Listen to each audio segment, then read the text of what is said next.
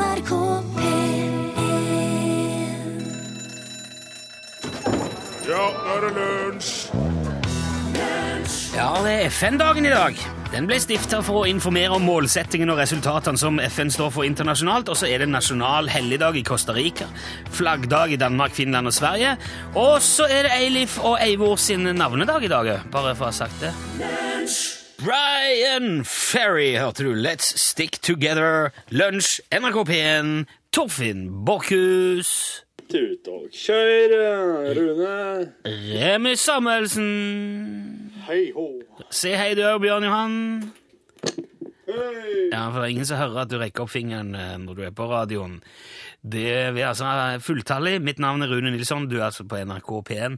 Vi har fått eh, litt hjelp fra Turid i Oslo via Nitimen. Den eh, låten som vi drev og sang på helt eh, altså rett før nyhetene nå, det er jo da den gode, gamle tyske Ach, du lieber Augustin, Augustin. Eller eh, nå Du og jeg og Dompappen, som han heter på norsk. Nå kommer du og jeg og Dompappen, og den er altså bakt inn i Manfred Manns Earth Bands låt. Rydda det av veien. Vi kan fortsette. Sa jeg eh, at mitt navn er Rune Nilsson? Ja, god dag. Eh, Det er min oppriktige mening at livet er altfor kort til å gå i ubehagelige sko. Det slutter aldri å forbause meg at eh, folk, og da skal det sies at vi snakker primært om kvinnfolk, gjerne kan gå rundt i sko som ser fantastiske ut, men som eh, bortimot maltrakterer føttene deres fullstendig. Dette her syns jeg er, er, er rart. De er kanskje av en slik konstruksjon og utførelse at dersom de som går med skoene skulle komme til å tråkke over eller vri foten i et uheldig øyeblikk, så vil de mest sannsynligvis aldri være i stand til å gå igjen. De vil bli liggende må amputere fra lysken og opp, og må, og, må bare ja, melde seg ut. Spesielt merkelig er det jo at dette foregår når vi vet at kvinner gjennom historien har altså brent ubehagelige korsetter og bh og, og, og sånne tilsvarende plagg i svære bål i gaten og dansa en slags frigjøringsdans rundt flammene i protest mot konformitet og ubehagelige plagg. Og fortsatt så ser det ut til å gå igjen. Ehm, jeg vet om kvinner som kan gå inn i en klesbutikk og finne en kjole som eh, strengt tatt er et nummer for liten, og som eh, skjærer stropper inn i skuldrene, nakke eller lår og armer eller hva det måtte være. Og selv om det gjør aldri så vondt, så betaler de med åpne øyne flere tusen kroner for plagget fordi at det er så fint, vel vitende om at når de tar det på seg, så kommer hele kvelden til å fortone seg som sammenhengende tortur. Dette foregår altså i Norges rikeste land i 2012 den dag i dag. Det er jo besynderlig når man tenker på at altså, både sko og klær er jo funnet opp for å ja, av rent praktiske hensyn. Det, skal, det er jo derfor å holde oss varme, for å gjøre oss behagelige, for å beskytte føtter og bein mot ja, øh, grus, øh, spisse kanter i, i veien, torne, busker, ikke sant? Og nå er vi altså Altså, De tidligste sandalene man kjenner til, er over 10 000 år gamle. Og sannsynligvis har vi gått med sandaler og, og sko mye, mye lenger enn det. De var sydd av lær, de var øh, øh stappa med halm, og de skulle holde eh, føttene behagelige, varme og, og beskytta. Og man regner med eh, at eh, Ja, som sagt, at vi holdt på mye lenger òg enn de der eldste som man har funnet som er 10 000 år. Det var ingen hæler på de, og ingen glitter, ingen stas. Det var ikke noe borrelås Ja, borrelås er jo ikke noe Det var ingenting, det var ren funksjonalitet. Og riktignok begynte jo kineserne med fotbinding på kvinner på begynnelsen av 900-tallet fordi at de skulle få så små og feminine føtter som mulig, men det ødela jo også føttene fullstendig, det òg! Og de holdt jo opp med det. Det ble klassifisert som barnemishandling. Det ble forbudt. Og nå skal du Det kan synke litt, det. det. Dette er bare bakgrunnen for dagens helt generelle råd. På helt nøytral grunn. Jeg bare sier det, for det, det står for meg som vesentlig. Du kan se et bilde som ligger på vår Facebook-side hvis du vil ha et fint apropos. Bruk behagelige sko.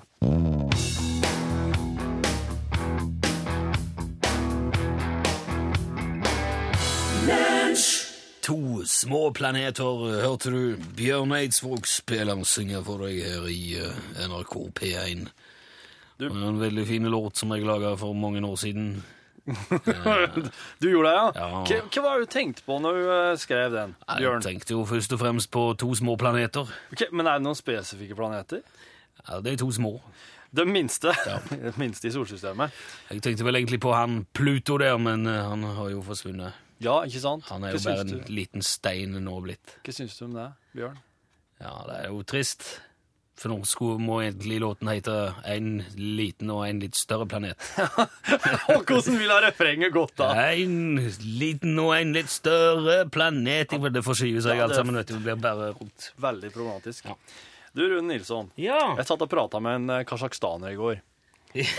som man jo gjør. Ja, men det er, det er slik eh, Det er slik oss uh, bare gjør iblant. Ja vel. Uh, og det ehm, og det oss, oss kom inn på et, Det dukker jo opp sånn overtru, for at uh, Han mista gaffelen sin i gulvet, og da bare ah, nå kommer det kvinnfolk på besøk.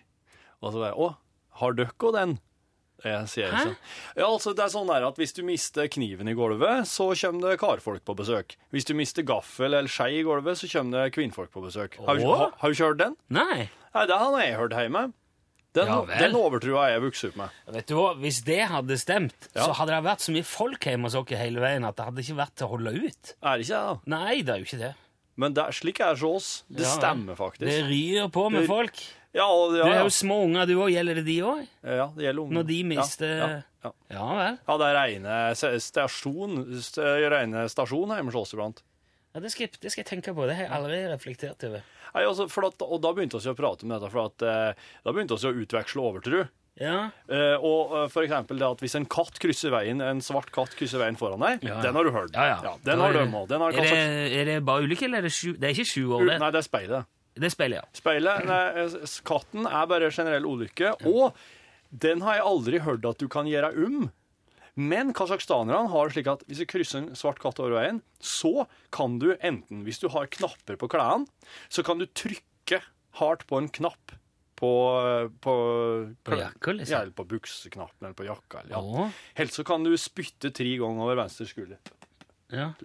Jo, men husker du ikke Altså, vi fikk jo eh, Det var jo en av våre lyttere, nå husker jeg ikke navnet i farten, men han måtte, når han så en svart katt, så måtte han eh, rulle ned vinduet i bilen, spytte over venstre skulder, ut vinduet, og banke tre ganger i dashbordet. Ja, stemmer det! Ja, ja, ja. Ja, men da har oss, da har oss, ja, ja. han har det i hvert fall. Også, men ja, uh, Kasakhstan er litt mer ekstrem enn oss. Vel? Fant jeg ut, i hvert fall. Etter, jeg har ikke vokst opp med så ekstrem overtro hjemme. Men eh, altså, alle vet at en eh, en ikke skal sitte rett på kalde bakken, eksempel, eller rett på en stein, på kan grunn av få- blærekatarr Ja, du kan få jordslag og jordslag rett i Ja. bekkene. Ja, stemmer. Uh, Kasakhstanerne mener at det kommer onde ånder rett inn i skrufsa hvis du gjør det. Uh, men altså, poenget er det samme, at du ikke skal bli sjuk. Men de mener nemlig at hvis du legger et papir imellom, da går det helt greit. Det, Da er problemet borte. Ja, ja, ja, ja. Og så kan du ikke gi penger rett i hånda til en kasakhstaner på kveldstid. Men vet du hva du kan gjøre i stedet? Legger det på bordet? Ja! ja okay. Har dere den i Egersund? Nei, men, hvis du, men det er jo logisk hvis du ikke kan gi Mener du i, i, på kveldstid? Ja, på kveldstid etter sola har gått ned. Må ikke ta imot penger i hånda. Det er ikke bra. Så rart.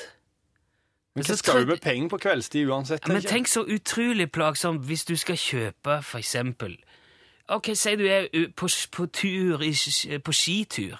OK, nå Også begynner det å bli spesifikt. Jo, jo, jo, Ja. men jeg bare sier Ja, det. ja. Og så er det litt sent på kvelden, og det Ja. begynner å bli sent, så kommer det en kar med to lommelykter og sier kan jeg få kjøpe den ene. Ja. Så må du legge pengene i snøen, og så må han begynne å rote rundt og lete etter dem før du kan Ja. Ja, det er, Nei, jeg syns jeg høres så masete ut. ja, det er men da, får, da mener jeg heller er bedre at du har en avtale med at eh, du får penger Jeg kan få penger neste gang. Så treffes. Ikke sitt på hjørnet av bordet. Hva skjer da? Du blir ikke gift. Oh. Nei. Men vi som er gift, kan gjøre det. Ja, du blir ikke ogift av det, nei. Nei, Det er ok. der du- nei. Eh, hvis du drikker noe kaldt, så vil du få sår hasj, for eksempel. Så hasj. Ja, ikke, altså, jeg mener ikke rusmiddel hasj, da. Si hals, da. Ja. Du sa det, du. Ja. Uh, hvis du går inn i en heim Fins det sår hasj? Jeg vet ikke. Jeg har røkt noe sår hasj. Eh, hvis du går inn i en heim med høyrefoten først, Ja. betyr det da At du kommer inn i den heimen. Ja, men betyr det det lykke eller ulykke?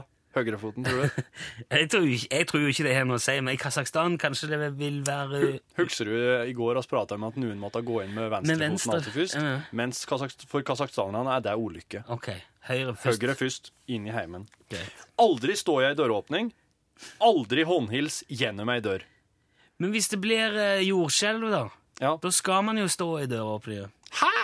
Ja, for at det- så kollapser veggen på deg. Dette Nei, du- her er jo Nei, du skal dette gå vet ut all- i gata Nei, hvis du er inne, skal du stå i, i, i døra. Ja, inne i huset, Ja, for det er jo på en et- måte mellom stugge og kjøkken. Ja, for eksempel. Det, eller i den døråpningen. Det er sterkeste punkt, vet du. Du står jo inne i en egen ramme. Men da er jo på en måte, hvis Det er jordskjelv, så er jo ulykka allerede der, på en måte, så da kan du si det er annullert, da, kanskje. Ja, jeg vet ikke. Nei. OK. Jeg bare sier det. Ja, dette var interessant. Ja, ja. Spesielt i Kasakhstan. ja det er det. Takk for informasjon. Vær så god.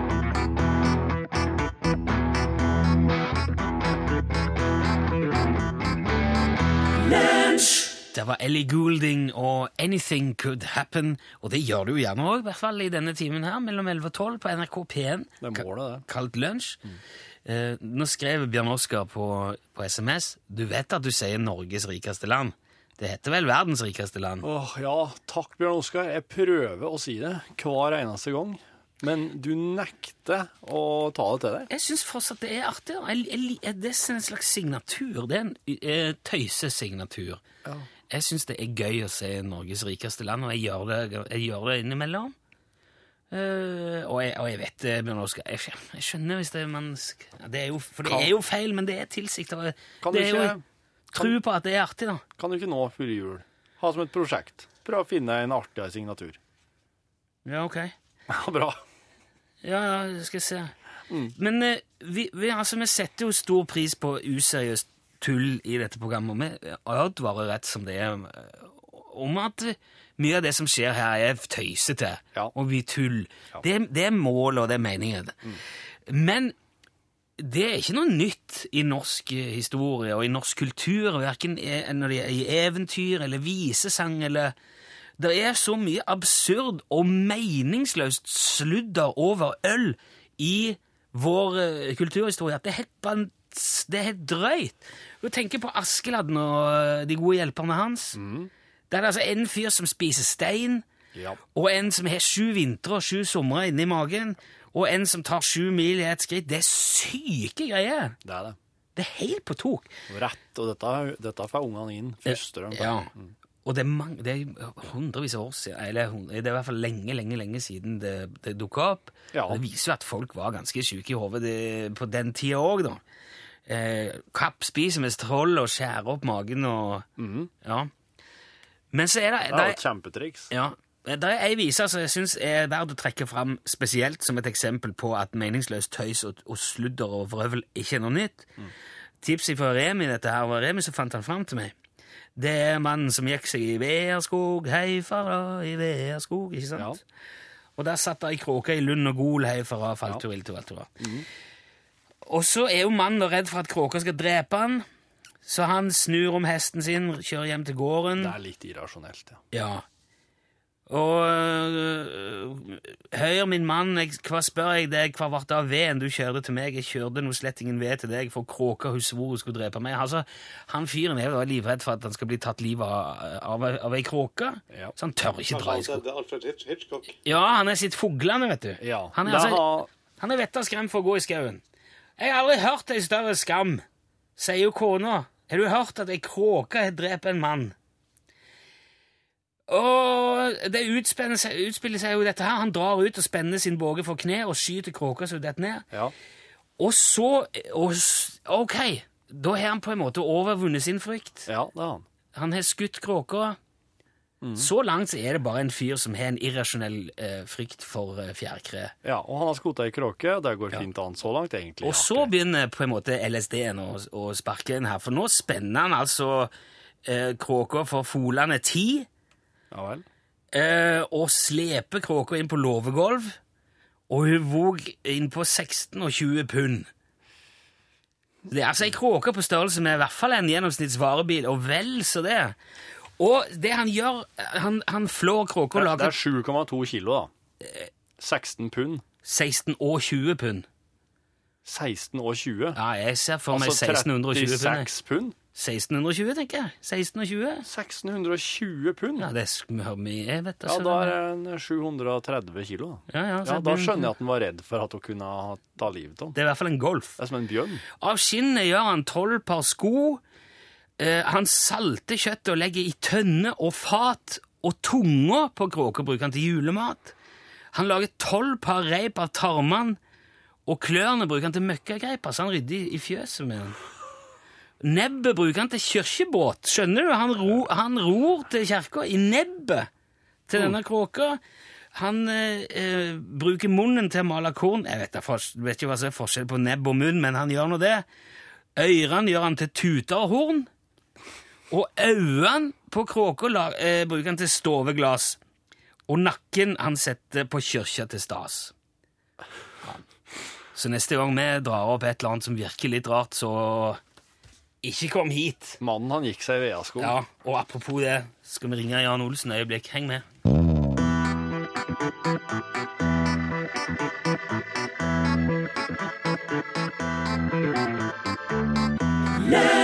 Forrige uke så kom det fram her i lunsj at vår påstått samiske venn bytta navn fra Fredrik Nilsen til Jan Olsen for ikke å bli gjenkjent av KGB. Sjøl trodde jeg jo at KGB var oppløst og nedlagt for lenge siden, men eh, det er visst ikke riktig, det, Jan Olsen. Eh, Nei vel. Nei, jeg spør nå, er KGB nedlagt? Nei, det er ikke nedlagt. Nei. Nei, de holder på ennå, altså. Ja da, ja da. Og de vil ha tak i deg. Ja vel.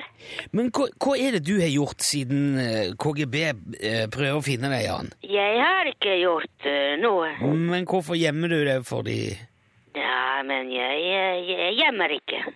Nei vel? Nei. Jeg bare sier ikke noe. Du sier ikke noe? Nei. Du mener at du ligger lavt i terrenget, eller holder lav profil, liksom? Ja, det stemmer. Ja, Men man kan jo lett argumentere da eh, for at det å være på Norges største radiokanal en dag i uka er jo ikke akkurat forenlig med lav profil. Nei vel. Ja, men er du ikke enig i det? Nei, nei. Nei vel? Men eh, altså Men eh, KGB hører på P4. Ja vel? Ja da. Hvordan vet du det? Ja, De gjør eh, alltid det. Men eh, de, altså, de må jo Hvor- holder de til? Hvor er KGB nå? Hvor holder de til henne? I uh, Karasjok. De har alltid holdt til i Karasjok. Jeg mistenker at det er et eller annet vesentlig jeg går glipp av. Det er noe jeg ikke skjønner. Ja vel. KGB holder til i Karasjok, sier du. Ja da. Og det har de alltid gjort. Ja, ja. Ja, hvordan vet du dette? Det er ikke vanskelig å vite. Alle vet det. Jo, men du sa forrige uke at de er hemmelige nå. KGB er ikke nedlagt, men det er hemmelig at de fins. Ja da. Men alle vet om det likevel. Ja da, ja da. Men det var ikke hemmelig før, vet du. Nei vel, det Nei, da hadde jo ingen kommet dit. Nei, men det vil jeg jo tro var mye av poenget. At, Nei, nei, nei, det må jo komme folk, ellers så går det ikke. så KGB har vært i Karasjok lenge, men det er bare nå i det siste at det har vært hemmelig. Det stemmer, ja. Men hvorfor ble det hemmelig plutselig? Det var uh, på grunn av uh, politi. Og politi? No, norsk politi? Ja da. KGB ble anmeldt til uh, politi. B- Ble det tidligere sovjetiske sikkerhetspolitiet anmeldt til norsk politi? Nei, nei. Men hvem var det som ble anmeldt, da? KGB. Ja, det er jo sikkerhetspolitiet. Nei, det er ikke politi. Hvem, hvem er det du snakker om her nå? Altså, hvem er det du holder lav profil for? Hvem er det du, som hører på P4? Det er uh, KGB. Ja, KGB. Hva står KGB for? Karasjok, Gran og Bjørk. Karasjok, Gran og Bjørk. Ja da. Og hva driver de med? De driver med trelast. Jaha. Så det, det er ikke en hemmelig levning etter Sovjets hemmelige politi som holder til i Karasjok? Nei, nei, nei. Nei, det er trelastfirma. Ja, det stemmer. Hvorfor trenger du å holde lav profil for deg? Eh, De vil ha skogen min. Eier, eier du skog i nærheten av Karasjok, er det det som er Ja, ganske mye. Jaha. Og så vil du ikke selge ut til dette trelastfirmaet, som altså heter Karasjok, Gran og Bjørk? Nei vel. Er det derfor du har bytta navn? Ja, litt det også. Ja vel. Dette her må jeg innrømme er mye mindre dramatisk enn jeg hadde forestilt meg når du nevnte KGB. Ja, men det er eh, dramatisk, ja. Ja vel. På hvilken måte da? For de maser veldig mye. Ja. Det er i hvert fall en ny bit av puslespillet Jan Olsen på plass, da, selv om det kanskje ikke er den mest spennende biten. Nei vel. Jan, takk for at du var med. Lykke til med skogen og KGB og alt sammen. Ja, takk for det. Ja. Vi snakkes eh, neste uke da igjen, Ja, kanskje? ja det er greit. ja. Ok. Ha det bra. Ja, ha det bra. Ja. Hei. hei.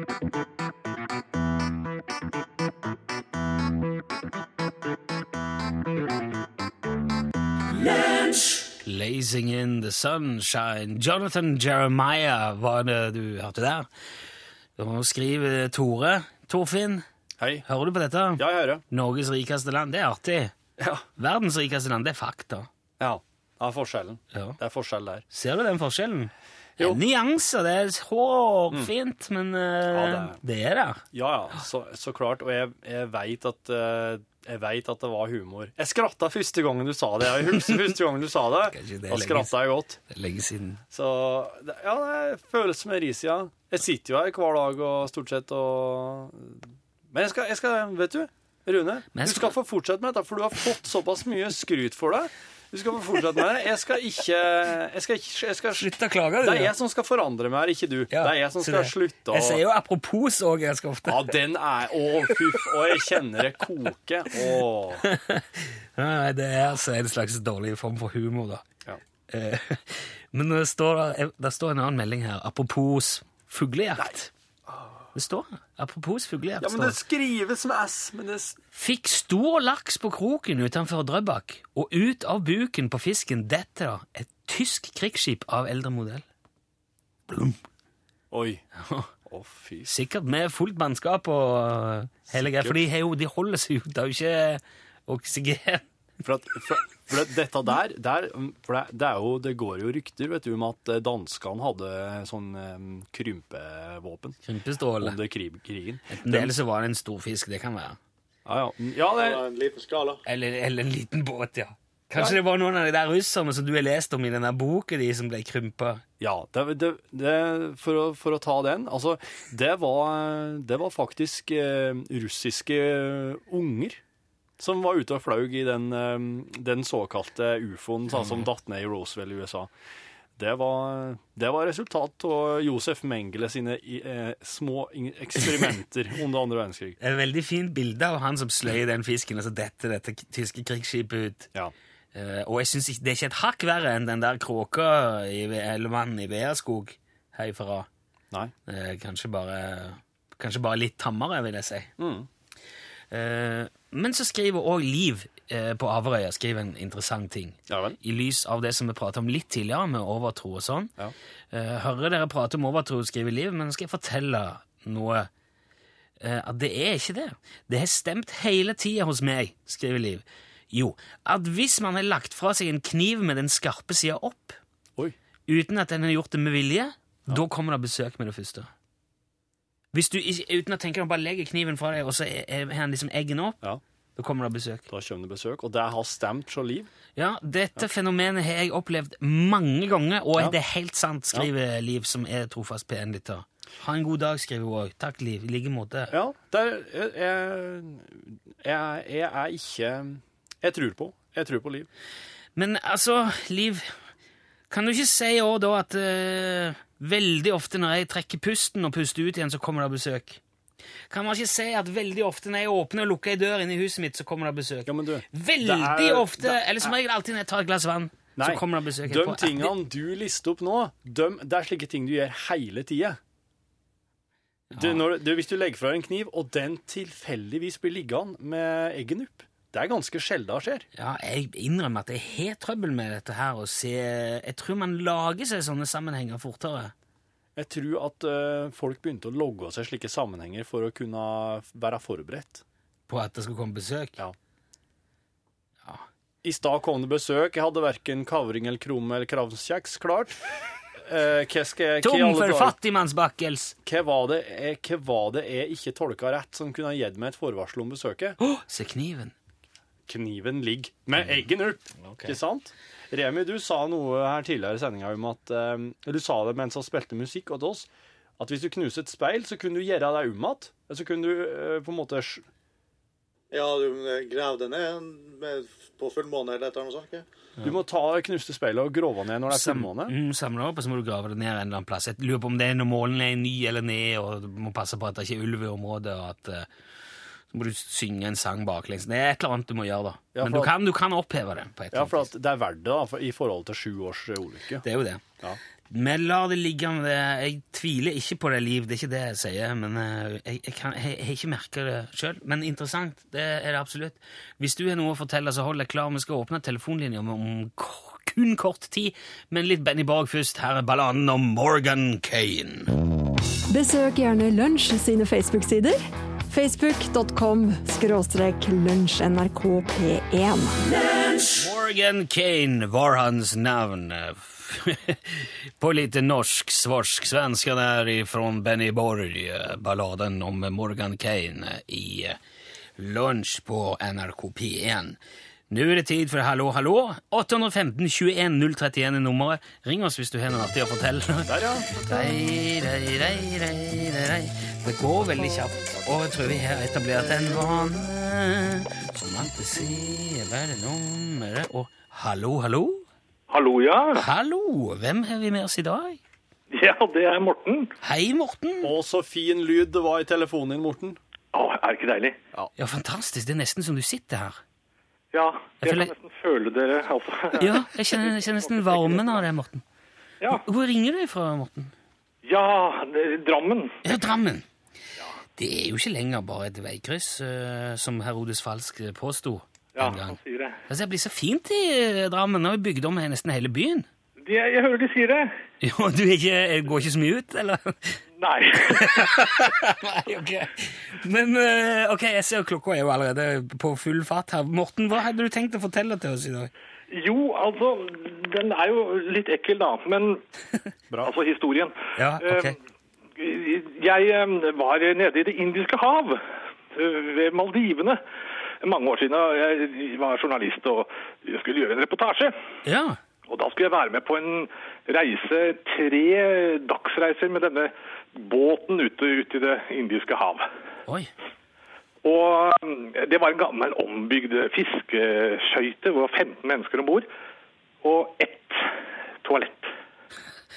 Uff, ja, ok. Og det var liksom det eneste, det eneste fasiliteten om bord. Det var sånn vakuumdo som var nede under dekket et eller annet sted. Ja. Jeg var der for å på en måte å å observere og, og, og møte mennesker og skrive og mye sånt, men eh, teknisk sett så er jeg kanskje litt undermåls når det gjelder sånne innretninger. Ok. Så jeg prøvde å holde meg så lenge som mulig. ja. Og det klarte jeg jo, i et par døgn.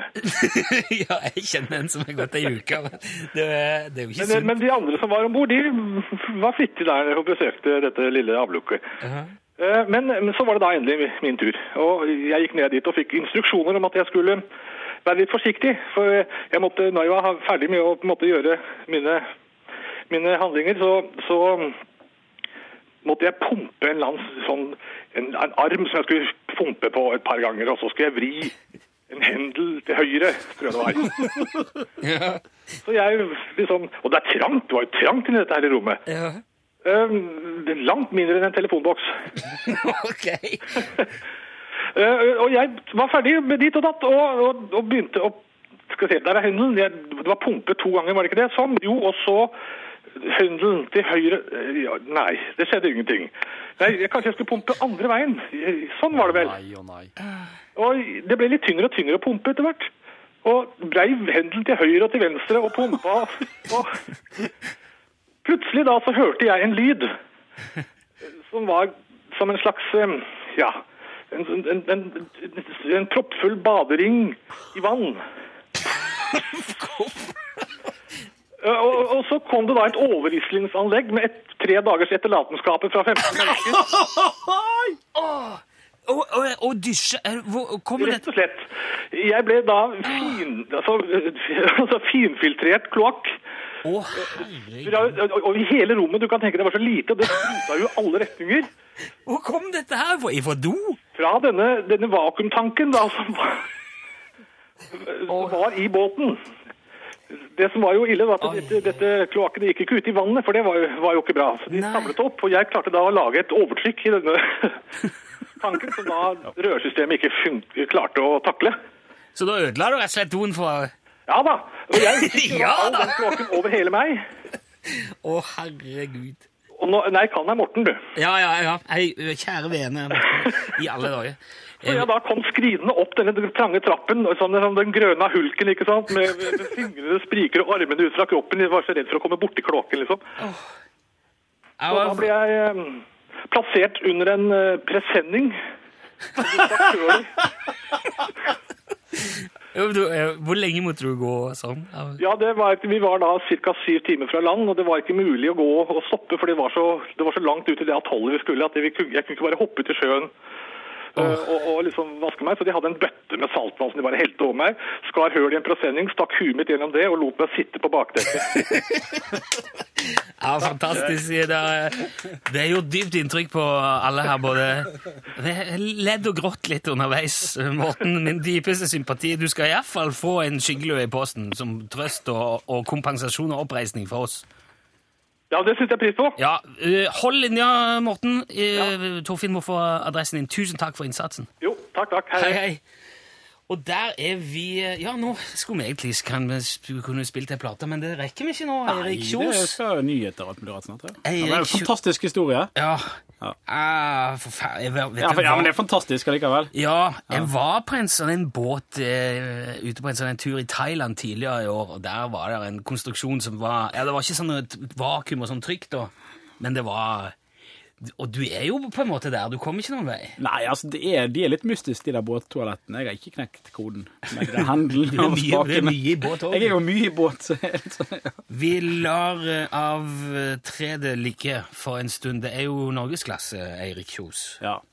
Og, og, og vi skal snakke om noe jeg vet ikke, Fikk du sett, apropos båt, Hurtigruten minutt for minutt? Var du innom det? Å oh, ja, ja, ja. Jeg brukte mye tid på det. Vet du, du Det er noe av det beste jeg har sett på TV. Da tror jeg Rune jeg Møkkebø som er prosjektleder, for det jeg ble veldig glad for å høre at du Det har jeg sagt til Rune ved flere anledninger. ja. Den andre Rune i NRK. Ja. Nei, men det var Ja, jeg, jeg hadde, det, det skjedde til og med med, en- på min bursdag, var de underveis. Ja. Og da brukte jeg, brukte jeg ganske mye av den dagen på siden. Jeg hadde grillfest i hagen, men jeg satt mye inne og så på. Hurtigruten. Det, er, altså, det gjorde jo jeg òg. Jeg var på ferie og kjørte med ungene i båt for at vi skulle være med, komme med i bildet. ikke sant? Og så oh, ja. tilbake, igjen- og se det, se det hele i reprise på internett. Veldig artig. Eh, konseptet har blitt dratt stadig lengre. Dette skal vi høre om i Norgesklasse i dag. I Israel så har to kristne TV-stasjoner rigget seg opp. De er klare for å følge Jesu gjenkomst minutt for minutt. Er det noe ja, Ja. i, i fall det Eller når det eventuelt skjer? Ja, da? ja, det er i Jerusalem. Det er svært bilde og greier. Dette her. Så, eh, og eh, Rune, som er prosjektleder i Hurtigruten minutt for minutt, han har sett på dette her. Kommenterer litt. Ja. Dette får du høre om i Norgesklasse. Send e-post bokstaven L for lunsj. Krøllav fra nrk.no. Velkommen. Hei, hei, hei. Dette er bonus eh, Oi! Hallo, ja. 24. oktober, to måneder til jul. Eh, Du har hørt hele sendinga. Og kanskje vi vente med appelsinen? Tom? Jo. Blir så slafsete. Nå skal jeg kose meg. Uh, sorry. Uh, hva skal jeg si? Det er bonusen nå. Nå har du hørt hele sendingen, For det, nå, dette er det som kommer etterpå. Ja. Er sikkert mange som hadde tenkt seg det allerede. Bakom materialet Dette er sikkert det som kommer etterpå podkasten, tenkte de nå. Ja, det her må være det som kommer til slutt. Evaluering. Dagens sending. Evaluering, ja. Ja. Det er lenge siden vi har evaluert noe ordentlig, syns jeg. Det, I norgesklasse gjør de jo det nesten sånn hver dag. Ja. Det tar de for seg sånn punkt for punkt. Altså. Ja. Det var en veldig fin sak. Jeg liker veldig godt også at har disse kildene, sier Pål Plassen. Og så sier han at, at jeg er veldig fornøyd med at eh, det er veldig skarp vinkel på den. Den var ikke så rotete som de andre sakene vi har sett eh, på samme tematikk. Og så går de sånn eh, grundig til verks, da. Skikkelig nedi, nedi materien og, og kan plukke fra han og si noe om blokkinga og um, intervjuobjektene og vinklinga. Vi visste det går skikkelig galt en gang, så hender det at vi nevner det på kontoret etterpå. Jeg tror ikke vi gjør det flere ganger. Nei, jeg er enig i det, sier, den andre. Ja, du har kaffe, du? Her, og så her er det slik at um, Du, eh, du Torfinn sier Rune. Um, oss var jo ikke enige om hvordan vi skulle gjøre det der. Nei, oss tenkte på to helt forskjellige måter. Ja, det stemmer det. Ja, så da ble det ikke helt som oss hadde tenkt, da. Nei, det ble jo helt annet. Ja, altså um, du har, Skal du ha kaffe, du, vel? Men jeg syns jo vi er veldig samkjørte, så vi pleier jo ikke gjøre En gang har vi gjort det to ganger. Jeg tror vi har gjort det to ganger, ja. Ja, på, i samme, på sånne reportasjegreier. Det er helt uh, forskjellige oppfattelser Ok, sånn skal jeg gjøre det. Ja, ja, men så neste gang. Ja, ja, ja. Så kommer neste gang. Nei, dette her var Det ble jo noe annet igjen, det. Ja, jeg gjorde det. Ja. Men så ble det veldig bra. Men hva skal vi skal si noe om sendinga i dag? da? Sendinga i dag ble jo til Unnskyld. Sendinga i dag ble jo til mens vi gikk. Eh, Jeg var så heldig at jeg trefte på en kasakhstaner som gjorde at jeg fikk noe eh, ordtøyse. Det syns jeg var gøy. Det var gøy. Overtro er artig, da. Ja, det er det. Overtro er ikke noe klart definert vitenskap, derfor så blir det så helt opp til hver enkelt, da. Jeg er ikke overtroisk, jeg. Nei. Jeg er ingenting overtroisk, tror jeg. Nei. Eh, jeg har noen sånne uvaner, eller sånne- ikke tvangstanker, men sånn, ja, kanskje tvangstanker. Skyldeglass og vil helst ikke ha volumet på noe annet enn parter Eller sånn. På stereoanlegget. Ja. Men eh, jeg kan godt gå under en stie bare for å gjøre det. Ja. Og jeg, vi har svart katt hjemme i huset. Ja. Bryr meg aldri om når hun går foran meg. Nei. Lenge siden jeg knuste noe speil som jeg kan huske, men jeg har aldri brydd meg om det heller. Nei. Aldri, faktisk. Nei. Så det går veldig greit. Du tenker jo at opplever- alt som skjer Du tenker jo at hvis noe detter i gulvet, tenker du den må jeg plukke på igjen, det var, det var noe litt eh, kjedelig. Eh, og så hvis det kommer besøk, så tenker jeg at eh, der kom besøk. Ja, gjør man Og, og oppføre deg deretter. Men jeg tror, folk, jeg tror man lager altså sånn, Til Liv òg, som sendte melding om at hver gang hun legger kniven, eller kniven havner sånn at det ligger med eggen opp, eller med skarpe sider opp Ja. Jeg regner med det betyr med eggen. Og jeg regner med, ut fra det hun skrev, at det betyr at kniven liksom ligger sånn på, på rygg, da. Ja, på rygg, ja. Ja. Ja. Så kommer det besøk. ja. Det er vel, jeg kan ikke huske en eneste gang jeg har lagt for meg en kniv, og den har blitt liggende med eggen opp. Altså på rygg. Det er, jeg skal jaggu noe til. Altså Enten bruker du lite kniv, eller så har du veldig mye besøk. Ja. Men han Remi, lydmannen vår, han Ja. eh, kunne jo fortelle at han hadde jo opplevd sånn vardøger, som det kalles. Sånn omen, sånn forvarsel på at det kommer folk. Ja. Han satt hjemme i stugesida og så på TV-en, og så hørte han noen som kom på troppa og trampa av seg snøen. Så ropte han eh, 'hoi!' Eller hva nå er en Remi roper, da. Ja. Hva det han roper? i Vær snill og kom inn, jeg er ikke farlig. Hallo, hallo. Ja. Jeg skal ikke ha noe! Ikke der, det er jo ikke der i på en måte historien ligger, hva han ropte. Nei. Poenget var at det var ingen som svarte, så han går ut på trappa og lukker opp døra. Det er ingen der. Og det er snø, Ja. så han ser ikke noe fotspor heller. Og så ti minutter, kvarter etterpå, var det han sa. Ja, Ti minutter senere, da kommer det folk. Ja. Da kommer liksom de samme lydene igjen, men da er det folk der. ja. ja. Det er sånn som han har sagt at eh, Eller ja, det kalles vel vardøger, at du får sånn forvarsel, Ja. omen eller Ja. Jeg husker jeg har opplevd. Å jo, jeg har kjent, eh, jeg har kjent noe på meg, ja. Eh, Og fått noe sånn ja. Men betyr det bare at jeg er så jævla uoppmerksom og eh, i min egen verden at jeg ikke merker det der vardøgene? Eller kommer de ikke til meg? Gidder de ikke? Ja, da- Eller er det bare sånn at de folkene jeg kjenner, gjør aldri sånn. De har ingen sånn fortropp av åndekarakter som driver og banker av snø før de kommer. Hva er det som gjør at det ikke Og jeg, vet- jeg fortalte jo det òg når vi satt på sending i dag. Jeg så det der Åndenes makt her forleden. Å, gud bedre Altså eh, Da var det et par i eh, Hva var det de holdt til? Nå var Halden eller Fredrikstad? Jeg husker ikke helt.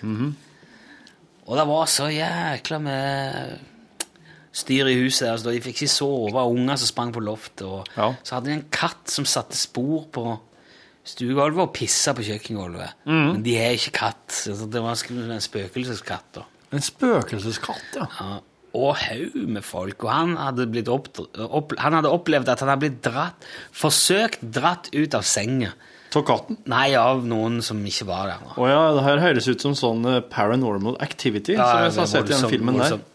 Så kom eh, han der eh, TV Norge-mannen med et unikum av et menneske og ser på hva er det som foregår her i dette huset. Mm. Han snakker alltid sånn. Det er ei svensk dame. Også. Og jeg kjenner at her er det veldig mye energi rundt det her punktet. Ja. Det er som, som om det drar nedåt. eh. Å, jævla, ser du plutselig, og så holder på å miste balansen. Å, herregud, så mye eh, aktiviteter er her. Ja. Ja, dette klarer ikke hun alene, så hun må ha med seg noen kollegaer. ja vel. Og så kommer det to damer til. da. Hun ene var hun som fant masse alien-aktivitet i de der kornsirklene til Stephen Fry. Ja. Det som han påviselig hadde lagd. Ja. Da sa hun at det hadde ingenting å si hvem som hadde lagd det, det var bare energi der. Og sånn. Å ja, Et å ja. Det gjorde ingenting at det var juks. Nei. Det var, energien var der likevel. Ja, ok. Ja. Og de kjører, vet du, biler som Det er ikke noe småtteri i det heller. Det kommenterte kona mi. Dæven, biler de kjører! Jæklig Audi og I alle fall. Da er det altså tre sånne damer der. Så lager jeg en tegning, og så finner jeg ut at de skal samle all energien, den dårlige energien som er rundt huset, og sånn, og så skal de eh, drive den inn mot midten, og der skal hun svenska stå inne i midten og samle opp alt. De andre går rundt i hagen og rundt i litt andre rom. Og så når de har samla alt der, så tar de opp ei runebomme, og så står de og puster litt tungt og ser i bakken og strekker på armene og sånn, og så er det greit. Da er det vekk, da. ja. Da har de, det var ånder der, da, som de har jogga ut med eh, prosedyrer. Ja, det var mye unger, mye unge ånder, da. Unge ånder? Ung, barn. Mye barn og mye smerte. Mye var, var kanskje Også, en prest. Så var det snakk om at det kunne være en prest som hadde vært der. Oi. En ganske streng prest. Au, au, au. Og så ja, lager de ut dette her, og så drar jo han der eh, til eh, Deichmanske bibliotek og leter etter spor som kan passe. Så da finner jo han at san- det, I nærheten av det der huset så har rakkeren bodd i, i gammelt. Rakkeren? Rakkeren. Og rakkeren er- var han på en måte assistenten til bøddelen. Det er han som setter hovene på nidstaket etter at de er kappa. Det er han som samler sammen kroppsdeler etter at folk er blitt uh, henretta. Det er skikkelig sånn lavstatus. eh, Det var, det var noe av det fæleste. Han var urein og fæl fyr. Så bøddelen hadde en Bøddelen sin kollega var rakkeren? Ja, rakkeren, ja. Og han hadde jo òg unger, derav eh, rakkerunger. Oi, oi, oi. Og han, det skal visst ha foregått på det ene og andre der, da. Men eh, altså Wow. Området er ganske stort. Det, det var en prest med det i kirka, og det var riktignok i den retning som hun pekte, men det er jo ikke noe sånn konklusivt. Men, jeg, men da er det jo man sier Å, ja! Der er, ja, der er du. Det var rakkeren. Og det var ungene hans. Og det var han presten. Ja, helt sikkert. Men det er jo altså, Tenk hvor lenge Der er bodd folk i Halden der, eller hvor det var, om det var Halden eller Fredrikstad. Igjen, unnskyld, men det er jo bodd folk der lenge. Det er svenskegrensa. Det er jo eh, Ja. det er Hvor mange der er som kan passe til den beskrivelsen, hvis du finner de? Passe til beskrivelsen. Ah, ja, Det har vært en del unger, det var en streng fyr der, eller Ja. Mm, ja. Så hva, Det er liksom et sånn evig spørsmål om høne og egget. Og jeg kjenner jeg blir eh, ordentlig Der kommer de er det, er det de Driver de faktisk ut noen da, eller er det sånn at eh, de, de stakkars paret som er så sikre på at eh, det foregår ting der ja. har så lyst til at det skal forsvinne, at de på en måte lar det forsvinne sjøl når de bare får endelig får en sjanse, liksom. Jeg tør ikke si han der eh, Det er umulig til. Norge-mannen som har programmet. Han er jo helt sikker, så jeg i et portrettintervju i en avis her nå forleden. Ja.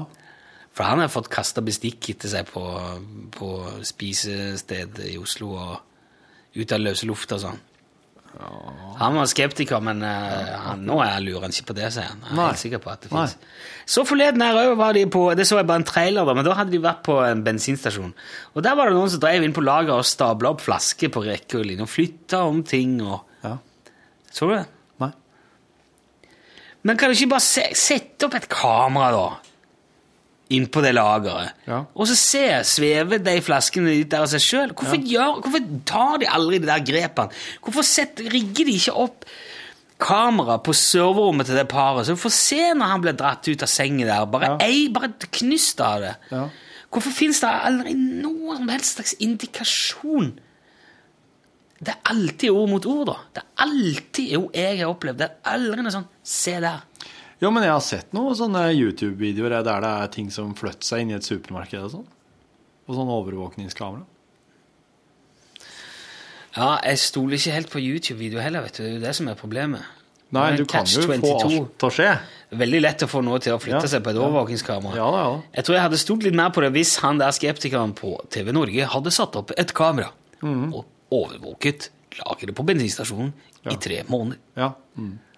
Og her får vi endelig beviset. For jeg tror ikke, jeg tror ikke de hadde liksom dratt det der. Jeg tror ikke du hadde begynt å tro på det lell om du hadde Ja, men det hadde, vært, det hadde liksom vært et, et ordentlig innlegg i diskusjonen. da. Ja, ja.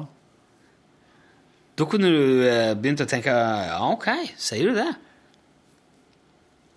Hvis det er noen som har et uh, spøkelseshus, gjerne send en mail.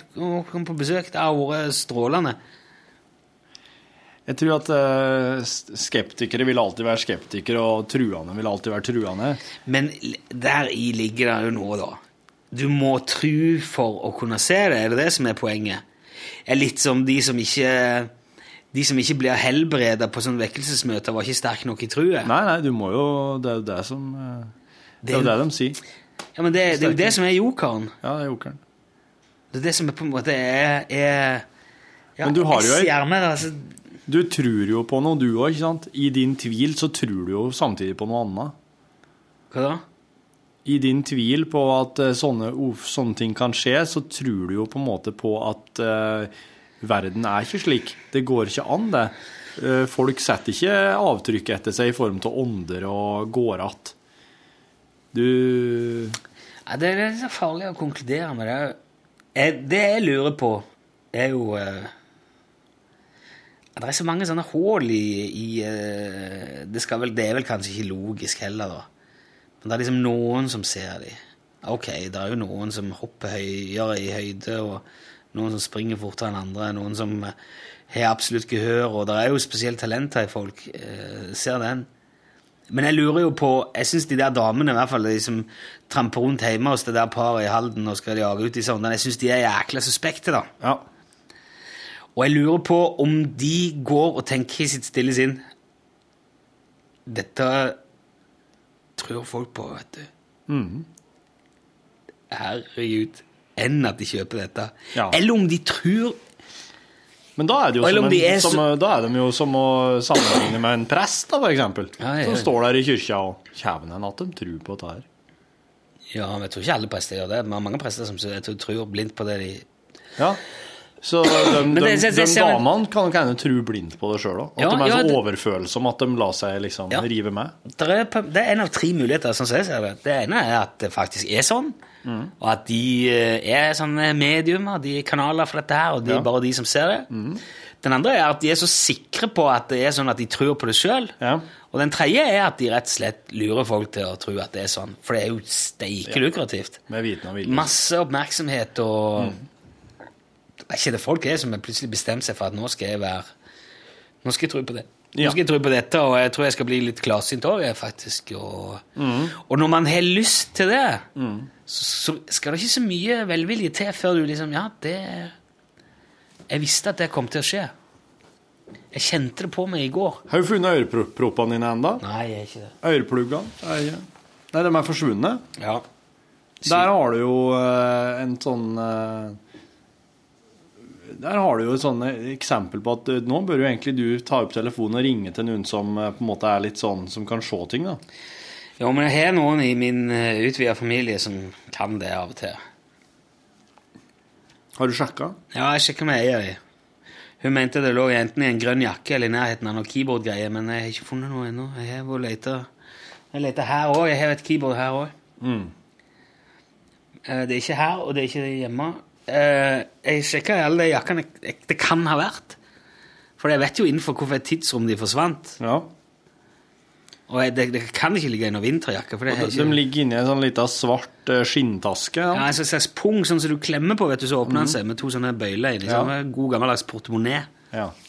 Og så står det en S, Sennheiser, på Mm. Helt svart. De øreproppene var jævlig dyre. De er sånn formstøypte, så jeg jeg har så lyst til å finne dem igjen. ja. Hvis det er noen som hører på podkasten som eh, har eh, Som ser evner, som ser dem, så send en eh, e-post krø- eller krøllalfa.nrk.no. Så det var sånn nettmøte med Snåsakallen her. Ja. Lurte på om jeg skulle skrive til han. ja.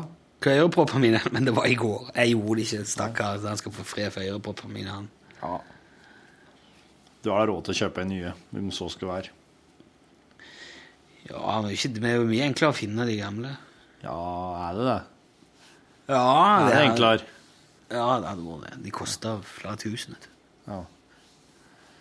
Faen, så gode de er.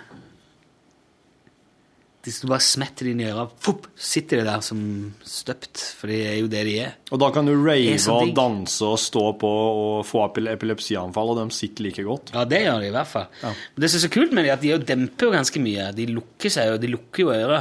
Så det er utrolig herlig på fly og sånn.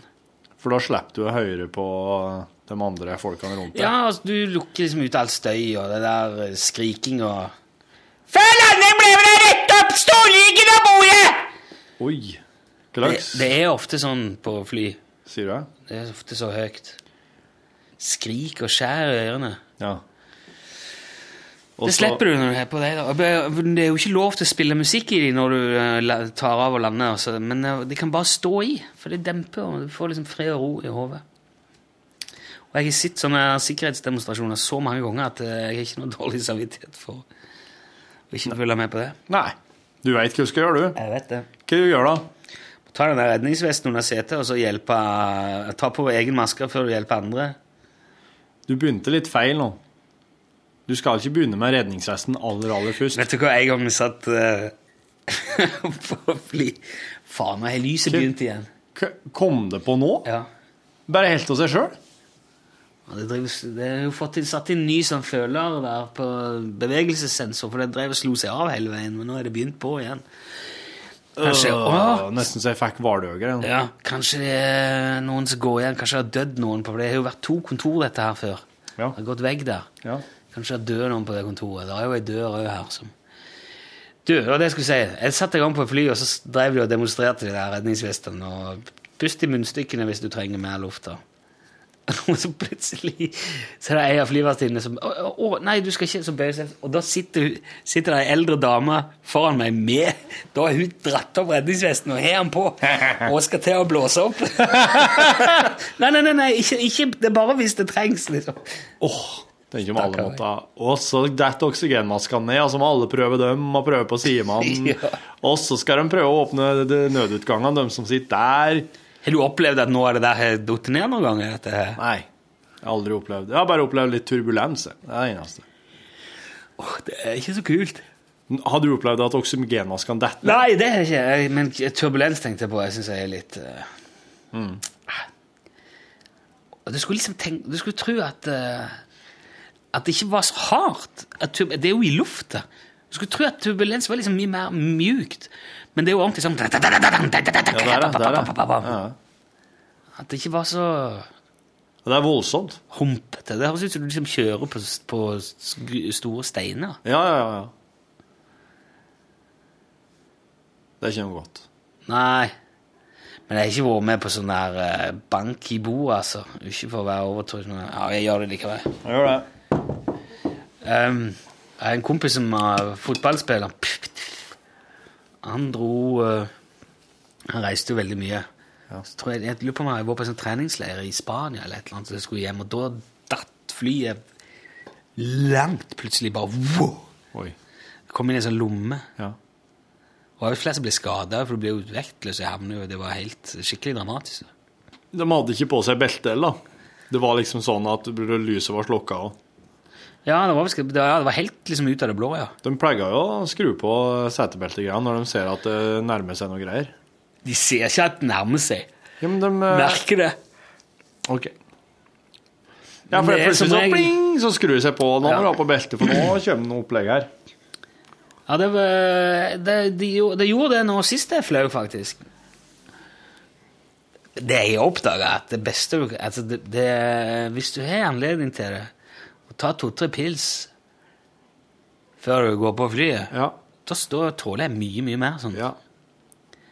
Det blir, for bare den der lille på toppen Ja. som er sånn yeah, yeah. Litt sånn dratt i maska og bare Nå, nå kan jeg dø. Ja, ikke så farlig. Det går fint, dette.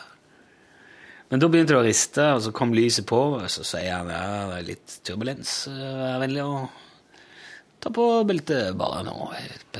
Og så Med en gang jeg hadde sagt det, så var det jo slutt. Det var bare liksom to-tre rist til, og så var det ferdig. Så det er jo som regel ikke så mye. Nei. Hadde en sånn en fløy til Thailand tidligere, og da slo de også på lyset, men det var jo så lite. Og det var sånn uh, jumbo. Ja. Og der, er det, der går det roligere for seg. ja, det gjør det. Da er folk på taket på Marintek der. De holdt på å bygge, og de satte opp partytelt oppe der. sitter. Ja vel. Skal de, eh, skal de ha fest der? Du, jeg må gå og kjøpe sånn et partytelt, jeg, for det er jo halloween nå. Ja. Eh, Neste om ei uke. Nøyaktig ei uke. Da skal jeg faktisk ha fri fra jobb, fordi at jeg må rigge så sinnssykt med opplegg i hagen. Du har virkelig omfavna halloween for alt det er verdt. Med naboene og jeg ser på det som en mulighet til å skremme livskiten av ungene i nabolaget Ja. På en helt sånn legitim og akseptert måte. Ja, ja, ja, det er jo den kanskje den siste ordentlige måten der det er lov til å bare torturere unger. Naboen han Inge satte for seg at han skal skremme dem så jævlig at de ikke har lyst på godteri. Ja. Hvordan, hvordan skal du få en unge til å ikke få lyst på godis mer? Ja, nei, jeg tror ikke, jeg tror ikke det personlig tror ikke det går an, men vi, vi må jo prøve. Se. Hva dere skal Det var arrangere? var- Hvordan skal dere legge det opp, da? Hva har dere tenkt? Nei, det blir på, det blir på samme lest som i fjor. Altså, vi lager ei løype, fordi at eh, Ja, du vet jo, det er jo åpent imellom hagene. Du kan uh, Jeg bor i en, en sånn gammelt arbeiderhus på Rosenborg i, i Trondheim, og det ligger som i et slags kvartal. Ja. Der alle husene vender ut mot sine respektive gater, og så Ja. har alle hage inni der. Så egentlig så er det som et lite slags parkanlegg Ja. I, bak alle husene. ja. Og det er gjerde imellom, og sånn, men alle har hull i De gjerdet. de det skal være en inngang, da. Ja, inngangen er, hos, inngangen er hos meg. Hva skal det første de møter? Det første møtet er jo uh, den som står i døra. Det var meg i fjor. Ja. Det er sånn Dracula-kappe og en fæl hatt og, og liksminke lik sminke og litt sånn. ja, ja. Så du er en slags Dracula? Vampyr? Ja, jeg, gle, jeg glemte Fæl. Glemte litt eh, vil fæl hatt Nei, det er sånn flosshattaktige ting med sånn dødning i hodet på. Noe greier, er Flosshatt med dødning i hodet. ja, av tøy, da. Det er sånn graverhatt. Å ja, du er, du er likgraveren, Ja, ja. det var litt sånn det. Det var veldig eh, eklektisk kostyme. Hva skal du ha i år? jeg, jeg vet da faen, jeg. Jeg må tenke på noe et eller Du, kunne du vurdert å barbere deg på huet? Ja. Altså rett og slett glattbarberte og så sminka hele hodet ditt helt hvitt, liksom?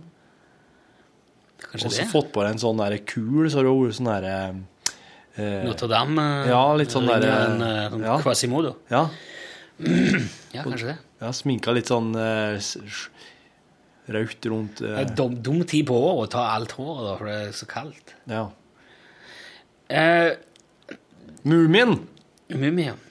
Det, I fjor sto jeg der, Ja. Så kommer jo ungene springende tøffe i trynet og kledd ut og ja. Knaska i knep! Og så sier du Så sier her er det vi som står for knepet. OK. Ikke tro at du nytter på noe her. Hvis du vil ha knask, så må du gå hele løypa. Kanskje du skulle vurdert å henge på deg hvis du tør. Kanskje du skulle vurdert å henge på deg gitaren og fått på deg noen svart Bjørn Eidsvåg-parykk? Velkommen til Så går de først inn i min hage, da, og da må de gjennom en sånn uh, I år skal jeg lage en, en del større, for jeg har sånn paviljong inni på, på plattingen. Den er ikke så Ja. stor, den hagen. Den går liksom rundt huset. Ja. Og så må du inni der, og der er det liksom drapert med spindelvev, og så er det sånn blacklight og røykmaskin, og så er det jo ute et svært eller, eh, lydanlegg da, med sånn, det er lagt sånn sløyfer med jævlig creepy lyder som Ja. går, Ja. går hele veien. Og det er så ille at uh, minstejenta mi på fem, hun tør ikke være ute når det står på. Hun Nei. blir så redd at hun vil ikke være der. Hun sitter inne. Ja, Ja. sitter inne hos naboen. Og så går, må du gå inn der, og der er det sånn skjelett og uh, greier og lyder og Ja. og så kommer du ut på andre sida, så går du på en eh, I fjor hadde jeg en sånn gravstøtter med to hender som kom opp. Og så kjøper jeg sånne små LED-lys og setter på en sånn liten en trefjøl eller noe, sånn at det- det er lysete, men du ser ikke selve lyset. Du ser bare liksom sånn bleikt, hvitt lys, og så den gravstøtta. Og så må du gå over ei trapp og inn i naboens hage, og når du kommer over der Det første du ser ut på plenen da, ja. når du går forbi naboens garasje, det er en fyr som drar av seg hodet sitt. Det er en sånn en nesten fullskala overkropp. Ja. Med en fyr som holder sitt eget avrevne hode. ja. Og det er ikke festa til kroppen. ikke sant? Og hva står den hen? da? Står den ute Den på står liksom litt ute på plenen, og den er også lyssatt. Sånn at Når unger kommer, så ser de den. «Åh, Se på den ja. Og mens de går bortover og ser på den, så hopper kona mi fram fra venstre. Da er hun heks! Og så er jo sånn svær gryte. og Skal hun ha den i år òg? ja. Hun skal Eller ha- vi får se hvordan vi gjør det der, i hvert fall. Og så går de videre over den plenen nå, og inn til naboen, og der sitter Lars satt, Eller i fjor satt Lars der, altså naboen på andre sida, inne i lekestua til, Ja. til Inge, og griper etter dem. Skriker, og ungen hyler og brøler, vet du. Hva har han på seg? Han var skikkelig jævlig skjelettsminka. Og jeg hadde Tobias Skjelettsminka i fjeset, ja. Ja, også sånn helt skjelettdrakt. Ja, ja, akkurat, ja. Og jeg hadde guttungen kledd opp som sånn sjølysende skjelett, så han sto Men han måtte ut og samle litt godteri innimellom, så han var ikke med hele veien. Men når han var der, så hoppet han ut og skremte ungene når de kom inn i, i the dungeon. da. Og så går de videre ut, og så har naboen en sånn eh, platt Eller nesten som en, som en gangbru over plenen opp til en platting. Han har sånn plankegate, han, rett og Ja. I hagen. Og, og oppå der så har han også sånn, et, et, et, et rammeverk som er slått opp rundt plattingen. Som han har hengt litt sånn belysning i, og de henger det sånn planter og hengekøye i det på sommeren. Der spente vi opp et hvitt lerret, og så lyssatte vi det bak, så du så bare skyggene hans. Ja. Når du kom imot, da. Ja. Og oppå det der reisverket satt vi sånn skummaskin. Sånn snø det er, det er skum, men det ser ut som snø, da. Aha. Så når de kom dit, så kjører han snø på det. Og det, det er bare det er nok til at folk blir litt stressa. Ja. Og så klapper Inge litt på en katt og noen kråker som lyser i øynene og sier «Åh!» Og så må han på plass igjen, og så står han der med ei øks og et avrevet hode og eh, et forkle og sånt, men du ser bare skyggen av han, så han står liksom og hogger kroppsdeler der. det er jæklig creepy. Og så når de kommer inn til han, så får de godteri. Men i år så skal Harald og jeg være med, og uh, Berit og Lars skal være med, så det blir to hager til. da. Oi. Så Det blir en mye vi- større runde, ja. Ja, det blir jo nesten dobbelt så mye. Ja. Og Berit og Lars, de er fucking crazy. altså. De er helt galne på det. Så der blir det bad.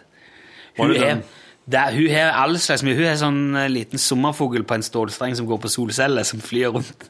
Hun har masse lys. Det ser jo litt tivoli ut, det nabolaget på kveldene. Det gjør det hele året, for alle er veldig glad i sånn lys. Ja. Og, så nå får vi se, vi skal ha et møte nå, vi må gjøre noe straks, altså. Og planlegge litt for hvordan vi skal Og vi måtte ha samband, og jeg måtte slippe det inn i pulje, så vi sto med walkietalkie, så nå kommer det en gjeng til. Og det må ikke gå for fort, for da klarer ikke Inge å holde unna. Nei, sant. Så det er en stor operasjon. Så i år har jeg tenkt at skal jeg få meg sånn et tre ganger seks meter partytelt, så skal jeg lage en tunnel. Ja. Og jeg, nå har jeg kjøpt inn et nytt skjelett og noe greier, og uh, en blitz. En sånn en Ja. eh, strobe. Ja, ja. Uh, røykmaskinen her for å fikse. Jeg fikk ny på garanti, for han gikk tett.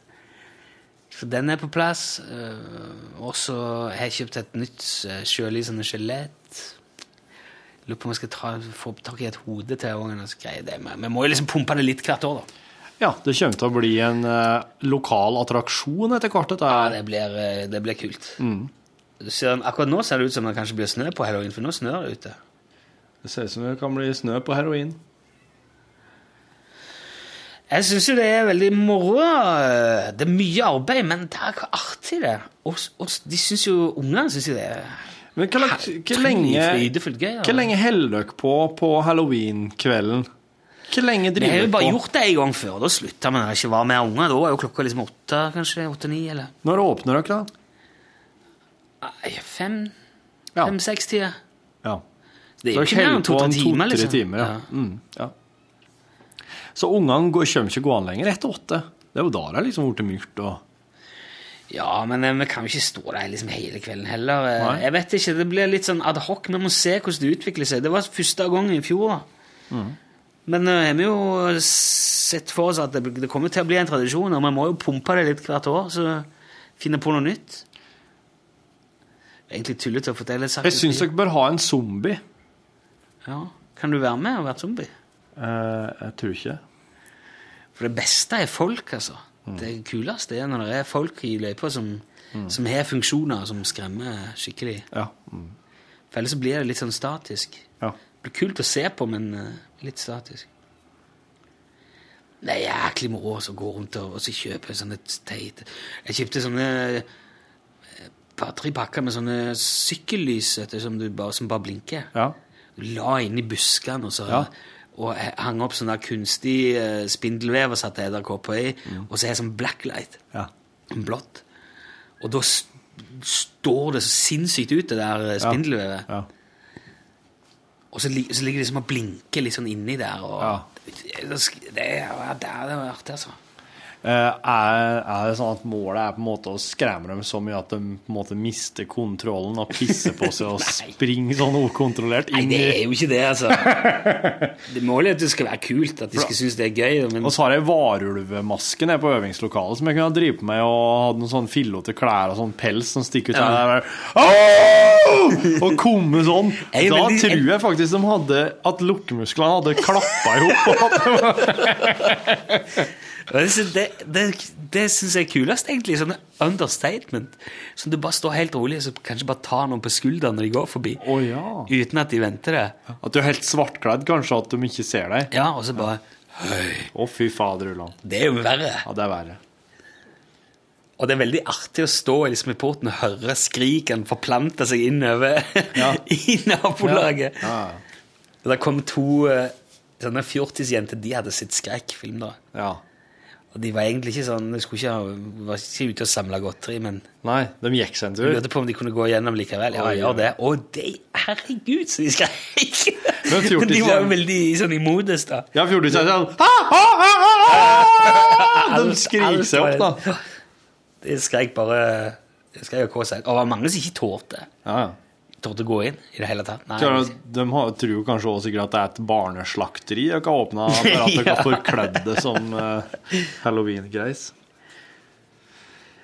Ja, jeg skal se. Kanskje jeg drar på meg varulvdrakta og blir med. Ja, det er vært gøy. Du må gi beskjed litt, så vi kan planlegge det. For da... For da må, også må man ha, bruke så den blå badematta. Så må man henge den oppi et tre og lyssette den med en spott, sånn at det ser ut som fullmånen henger over meg. Altså, wow! ja. Skal alltid få tak i en måned hvis det kjøper på Ikea. det. Kjøpe en måned på IKEA. vet du. Nei, det blir eh, bra i år. Jeg må få tak i noe Molton òg. Hvor selger de det henne? Molton-duk. Dæven. Må på sånn sceneservice. Ja. jeg. Kjenner vel noen som har det der. For jeg tenkte jeg skulle lage litt sånn kammer i det der eh, Ja. tunnelen, da. Mm. Det er litt uh, At det ikke bare er liksom en lang gang, men at det er litt sånn kupert. Det. Ja. Og så må det lyssettes og fikses på alle Jeg kjøpte inn en del strøm. Lagt ut en kontakt i haken. Laser og Men er det egen, egen halloween-kurs? Ja. Ja, Mål det. ja, det er det. Mm. Bålpanna. Ja, ja, Fyr opp igjen. Ser for meg at en Quasimodo må bort på å varme seg litt ved bålkanna etter hvert, da, hvis det blir eh, Jeg så bålpanne. I fjor så var jeg nede på en sånn butikk som jeg går og kjøper mye av de greiene på. De, er sånne, de damene nede på der er veldig flinke. De tar inn jæklig stilige ting. Og da hadde de, de hadde en sånn liten sylinder sylinder med en membran på, så du øh, bare senker ned i vannet, Ja. og så sto det en liten lite LED-lampe på. Ja. Og så gjør han gjør noe Jeg vet ikke, han vibrerer eller et eller annet. Han lager sånn akkurat som tåke oppå, så det ser ut som tørris.